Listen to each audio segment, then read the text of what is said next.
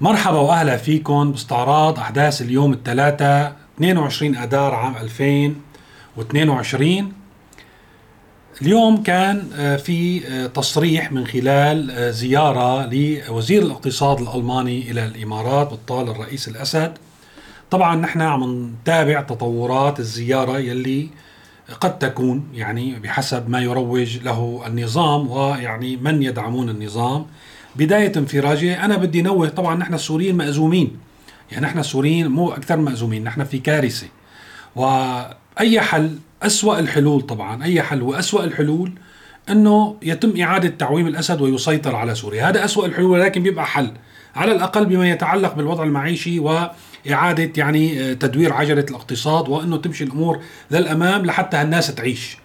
هو لا شك بيكون هالتضحيات كلها يلي آه، يعني آه، دفع الشعب السوري خلال السنوات الماضية راحت على الأقل على المدى القريب ببلاش ولكن ممكن أنه في حال صار في قرار دولي وأقليمي بأنه يرجع الرئيس الأسد يكون رئيس شرعي لسوريا آه، ويمسك بزمام الأمور. لا شك أنه هذا الموضوع راح ينعكس في تحسن الوضع المعيشي ل يعني السوريين في داخل سوريا. ولذلك نحن بنناقش هالموضوع هل فعلا إنه كانت زيارة الإمارات في هذا السياق؟ أه، هون بمناسبة السياق والسياق أساسا بخلينا نفهم ونتوصل لرؤية أفضل. يعني الحدث بشكل منفرد ما بيعطي صورة كاملة عن الموضوع. في خلفية للحدث وفي سياق الحدث. الخلفية هو موضوع النظام وأنه كان عايش بعزلة والعشر سنوات والمجتمع الدولي وشهر محاسبة أمريكا وإلى آخره عم يحاولوا يحشروا خاصة في الأشهر الأخيرة أو بالشهر الأخير عم يحاولوا يحشروا النظام بالزاوية نكاية ببوتين لحتى يربطوا جرائم الأسد بجرائم بوتين. هذا الموضوع خلصنا منه. هي الخلفية. السياق أنه زيارة الإمارات ممكن تشكل انفراجة وأنه يكون في شيء خروج عن هذا السيناريو البشع بالنسبة للنظام بأنه تم فتح باب بالتعاون مع روسيا وقد يكون هناك تفاهمات دولية حول الموضوع. طبعا الولايات المتحدة الأمريكية ما كان آه، متوقع منها غير أنه هي يعني الدين الزيارة وتعبر عن قلقها إلى آخره.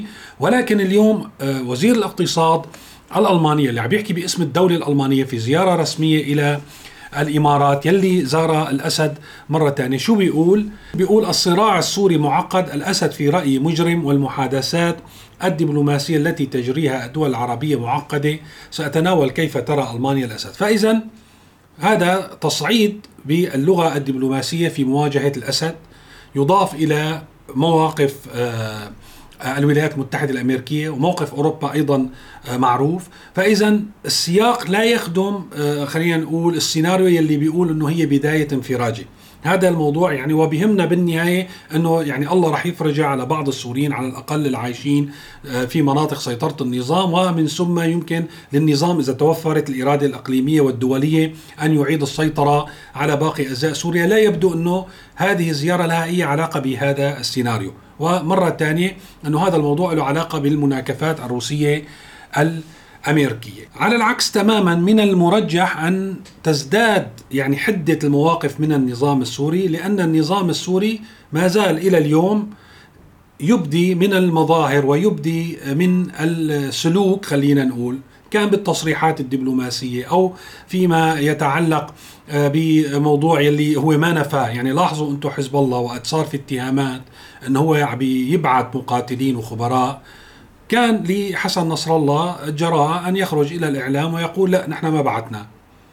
نحن بسوريا ما صار هيك. يعني كان في تقارير إعلامية وصور من تلفزيونات آه، عسكرية روسية بأنه مقاتلين عم يسجلوا. هذا عرضنا وراح أرجع أحط لكم إياه على الشاشة هلأ.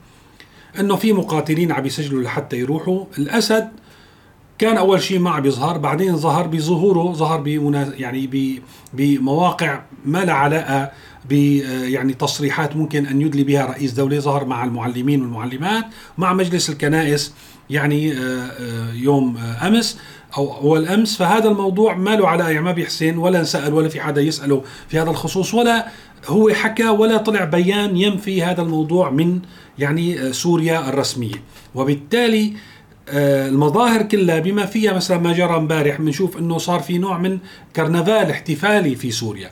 يعني الموضوع مو والله طلعوا وقفة تضامن آه، أمام السفارة الروسية مثل ما كثير من البلدان طلع له 10 20 واحد وتضامنوا مع موقف روسيا. لا صار في كرنفال بيشبه كرنفالات يلي شفناها أثناء الحملة بين قوسين الانتخابية للأسد في الانتخابات الأخيرة. حملة كبيرة تدور من محافظة لمحافظة و من منظمة إلى منظمة ممكن يدخلوا فيها العمال ممكن يدخلوا فيها آه، الطلاب وهكذا. فإذا هي مستمرة وتظهر للعالم. يعني ربما الأهالي حتى والطلاب اللي طالعين والعمال والموظفين يعني هن قرفانين وطالعين غصب عنهم. ولكن في الصورة العامة آه، الدول الأوروبية آه، الأطراف الأخرى يعني ويمكن يكون هذا أحد أسباب التشدد في اللغة وارتفاع نبرة مخاطبة النظام ووصمه بالإجرام من ألمانيا وسواها من الدول هو هي المظاهر بالتحديد وهذا التأييد الصارخ وال يعني خلينا نقول عليه الفاجر لغزو روسيا لأوكرانيا، فاذا آه، على العكس تماما بالنسبة للمجتمع الدولي والعالم الغربي وكثير من دول العالم من المرجح أن يتم اتخاذ خطوات أكثر تشددا من النظام بسبب سلوك النظام بما يخص العلني يعني العلني لأن مرة ثانية ليش علني؟ لأن سوريا ما أنا قادرة تقدم يعني أو النظام ما قادر يقدم غير هالطبل والزمر لروسيا يعني ولا شو فعليا بدي يقدم لها. يعني حتى موضوع المقاتلين لا أعتقد أنه هن إذا راحوا أساسا راح يحدثوا فرق وأنا بعتقد شخصيا أنه ثلاث أرباعهم راح يهربوا يعني بس يوصلوا على أوكرانيا ويلجأوا للدول الأوروبية. فاذا إذا أخذنا خلفية آه، حدث الزيارة وسياق يلي عم نتابعه يلي كان اليوم أحد محطاته تصريحات وزير الألماني ممكن نستنتج إنه هذا الحدث لا يمكن أن يبشر بالخير بما يخص السوريين والقضية السورية بالعموم. وأنا أعتقد شخصيا بأنه لا يبشر بالخير أيضا بما يخص النظام السوري نفسه مع التعقيد يلي عم نشوفه استمرار الصراع في أوكرانيا.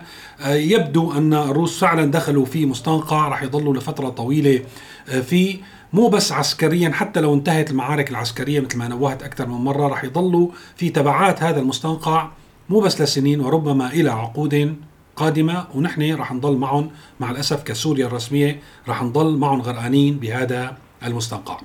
الملاحظة الأخرى الجديرة بالاهتمام أنه دائما وقت يكون في أي تقارب سوري مع يعني آه، من البوابة العربية باتجاه الدول العربية دائما تظهر نشاطات إيرانية كثيفة في اتجاه النظام السوري. هذا الموضوع شفناه بعد زيارة وزير الخارجية الإماراتي لدمشق كيف كان في كثافة آه، سياسية دبلوماسية واقتصادية وفود حجت يعني إلى سوريا ووفود حجت من سوريا إلى إيران. في يعني بتوقع هذا الموضوع في منه رسالة إنه مرة ثانية إنه أخي آه هذا النظام قراره مو بإيده. إذا أنتم بدكم شيء إذا كان فعلا في رسالة بدها توصل الإمارات ل ل لسوريا أو بده يكون في أي يعني مشروع مشترك حتى على المستوى الاقتصادي اليوم أصحاب القرار روسيا وإيران. ولم يعد النظام هو يملك القرار. يعني حتى إذا الدول العربية اليوم بدها يكون في لها أي مصالح نافذة في آه، سوريا لازم تكون عبر إيران أو عبر روسيا. يعني هذا الموضوع أنا بتوقع لازم نكون متفقين عليه. وبهذا السياق تم الإعلان اليوم أنه في زيارة يوم غد الأربعاء لوزير الخارجية الإيراني إلى سوريا. وهي هذا الموضوع ما صدفة بالمناسبة لحتى نحن بس نوضح يعني آه، المتابع آه، قديش الإيرانيين والروس الروس معروف عسكريا والإيرانيين آه، عم يسيطروا بالداخل على الاقتصاد على المجتمع. مثلا كان في بالأيام الأخيرة وبحسب شبكة محلية إلى حد كبير اخبارها موثوقة تحركات إيرانية للسيطرة على الطرق الرئيسية التي تؤدي إلى مدينة الرقة يلي هي في وسط سوريا. صار في مجموعة من التنقلات أو إعادة انتشار القوات أو الميليشيات وخاصة ميليشيا النجباء اللي تابعة لإيران بحسب المصدر المحلي للسيطرة على الطريق الذي يربط الرقة بحلب والطريق الذي يربط الرقة بحماة. وطبعا هن مسيطرين على الطريق الذي يربط من دير الزور إلى الرقة إلى حد كبير. فإذا الإيرانيين عم يحاولوا أو هن يمكن اقتربوا من السيطرة على كامل الشبكة الطرق التي تؤدي إلى مناطق النظام السوري. لأنهم هن أيضا مسيطرين على الطريق يلي هو من البو كمال إلى دمشق. طبعا هذا الطريق مكشوف على قاعدة التنف الأمريكية ولكن عادة ما ما ما بيتم التدخل خاصة فيما يخص يعني الشحنات والشاحنات وما يتم نقله عبر هذا الطريق. وأيضا إيران مسيطرة على الطريق من حلب إلى دمشق. يعني في سيطرة للميليشيات الإيرانية من حلب لحمص ومن حمص إلى دمشق أيضا يسيطر عليه وفي مفاصل هامة منه عناصر حزب الله اللبناني. أيضا مثل ما شفنا وأكثر من مرة التواجد الإيراني في الجنوب وفتح الطريق من معبر نصيب إلى دمشق أيضا يسيطر عليه بشكل كامل عناصر الميليشيات الإيرانية. فاذا هن سيطروا على شبكة الطرق بشكل كامل داخل سوريا. يعني هذا الموضوع واضح. هلا في ناس بيقولوا شو الصفقات شو ولكن هذا الموضوع واضح ومثبت. آه، من خلال مصادر محلية هي متعايشة مع الوضع ومراكز دراسات كثيرة حكت في هذا الموضوع. فإذا نحن فينا نقول يعني ضل الطريق الوحيد يلي عليه خلاف اليوم هو الإنفور يلي هو بيوصل شرق آه، سوريا غرب سوريا وهذا ما راح يتركوه الأتراك لأنه هو محاذي لمنطقتهم اللي بده يعملوها المنطقة العازله وضل أيضا الطريق اللي هو من حلب للاذقيه لسه في نوع من النزاع عليه. مين بد... لمين بدها تكون السيطرة عليه؟ وأيضا ما راح تكون للنظام السوري. فاذا شرايين الاقتصاد خلينا نقول الطرق الرئيسية التي تربط يعني المناطق السورية ببعض البعض اليوم تحت سيطرة خارجة عن سيطرة النظام. وهذا الموضوع يعني قصدي إنه لا يمكن للنظام بشكل مستقل أن يعطي أي مكاسب لا للإمارات ولا لغيرها من الدول بدون أن يعني آه، تدخل أو وصاية آه، إيران وروسيا على هذا الموضوع حتى يعني ما بحكي بالجانب العسكري.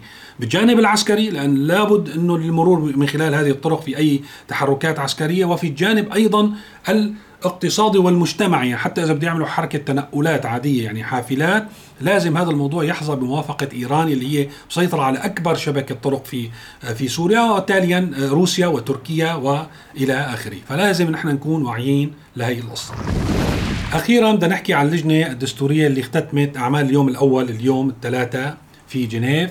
ومتابعين القناه اللي ما بيعرفوا شو يعني اللجنة الدستورية كان من السوريين أو غير السوريين هي آه، خرجت لجنة ممثلة من آه، هي اللجنة المصغرة من 15 عضو من المعارضة ومن النظام ومن المجتمع المدني. يعني هي عددها 45 يعني عضو من تمثل الأطراف السورية على أساس المختلفة وكانت هي نتيجة مؤتمر الحوار السوري يلي انعقد بمدينة آه، سوتشي الروسية ب 30 كانون الثاني عام 2018 فإذا هذه هي الجلسة أو هذه هي المرة السابعة اللي بيجتمعوا فيها وهذه المرة تم الإعلان عن ما سيتم يعني تقريبا يعني مو تقريبا آه، عموما يعني بشكل مؤكد فينا نقول ما كان في أي نتيجة خلال من 2018 اليوم صرنا أربع سنين وسبع جلسات ما كان في أي نتيجة. قال اليوم هن حددوا يعني إنه شو بدهم يناقشوا في هذه الجلسات. كان اليوم من المفروض إنه يكونوا خلصوا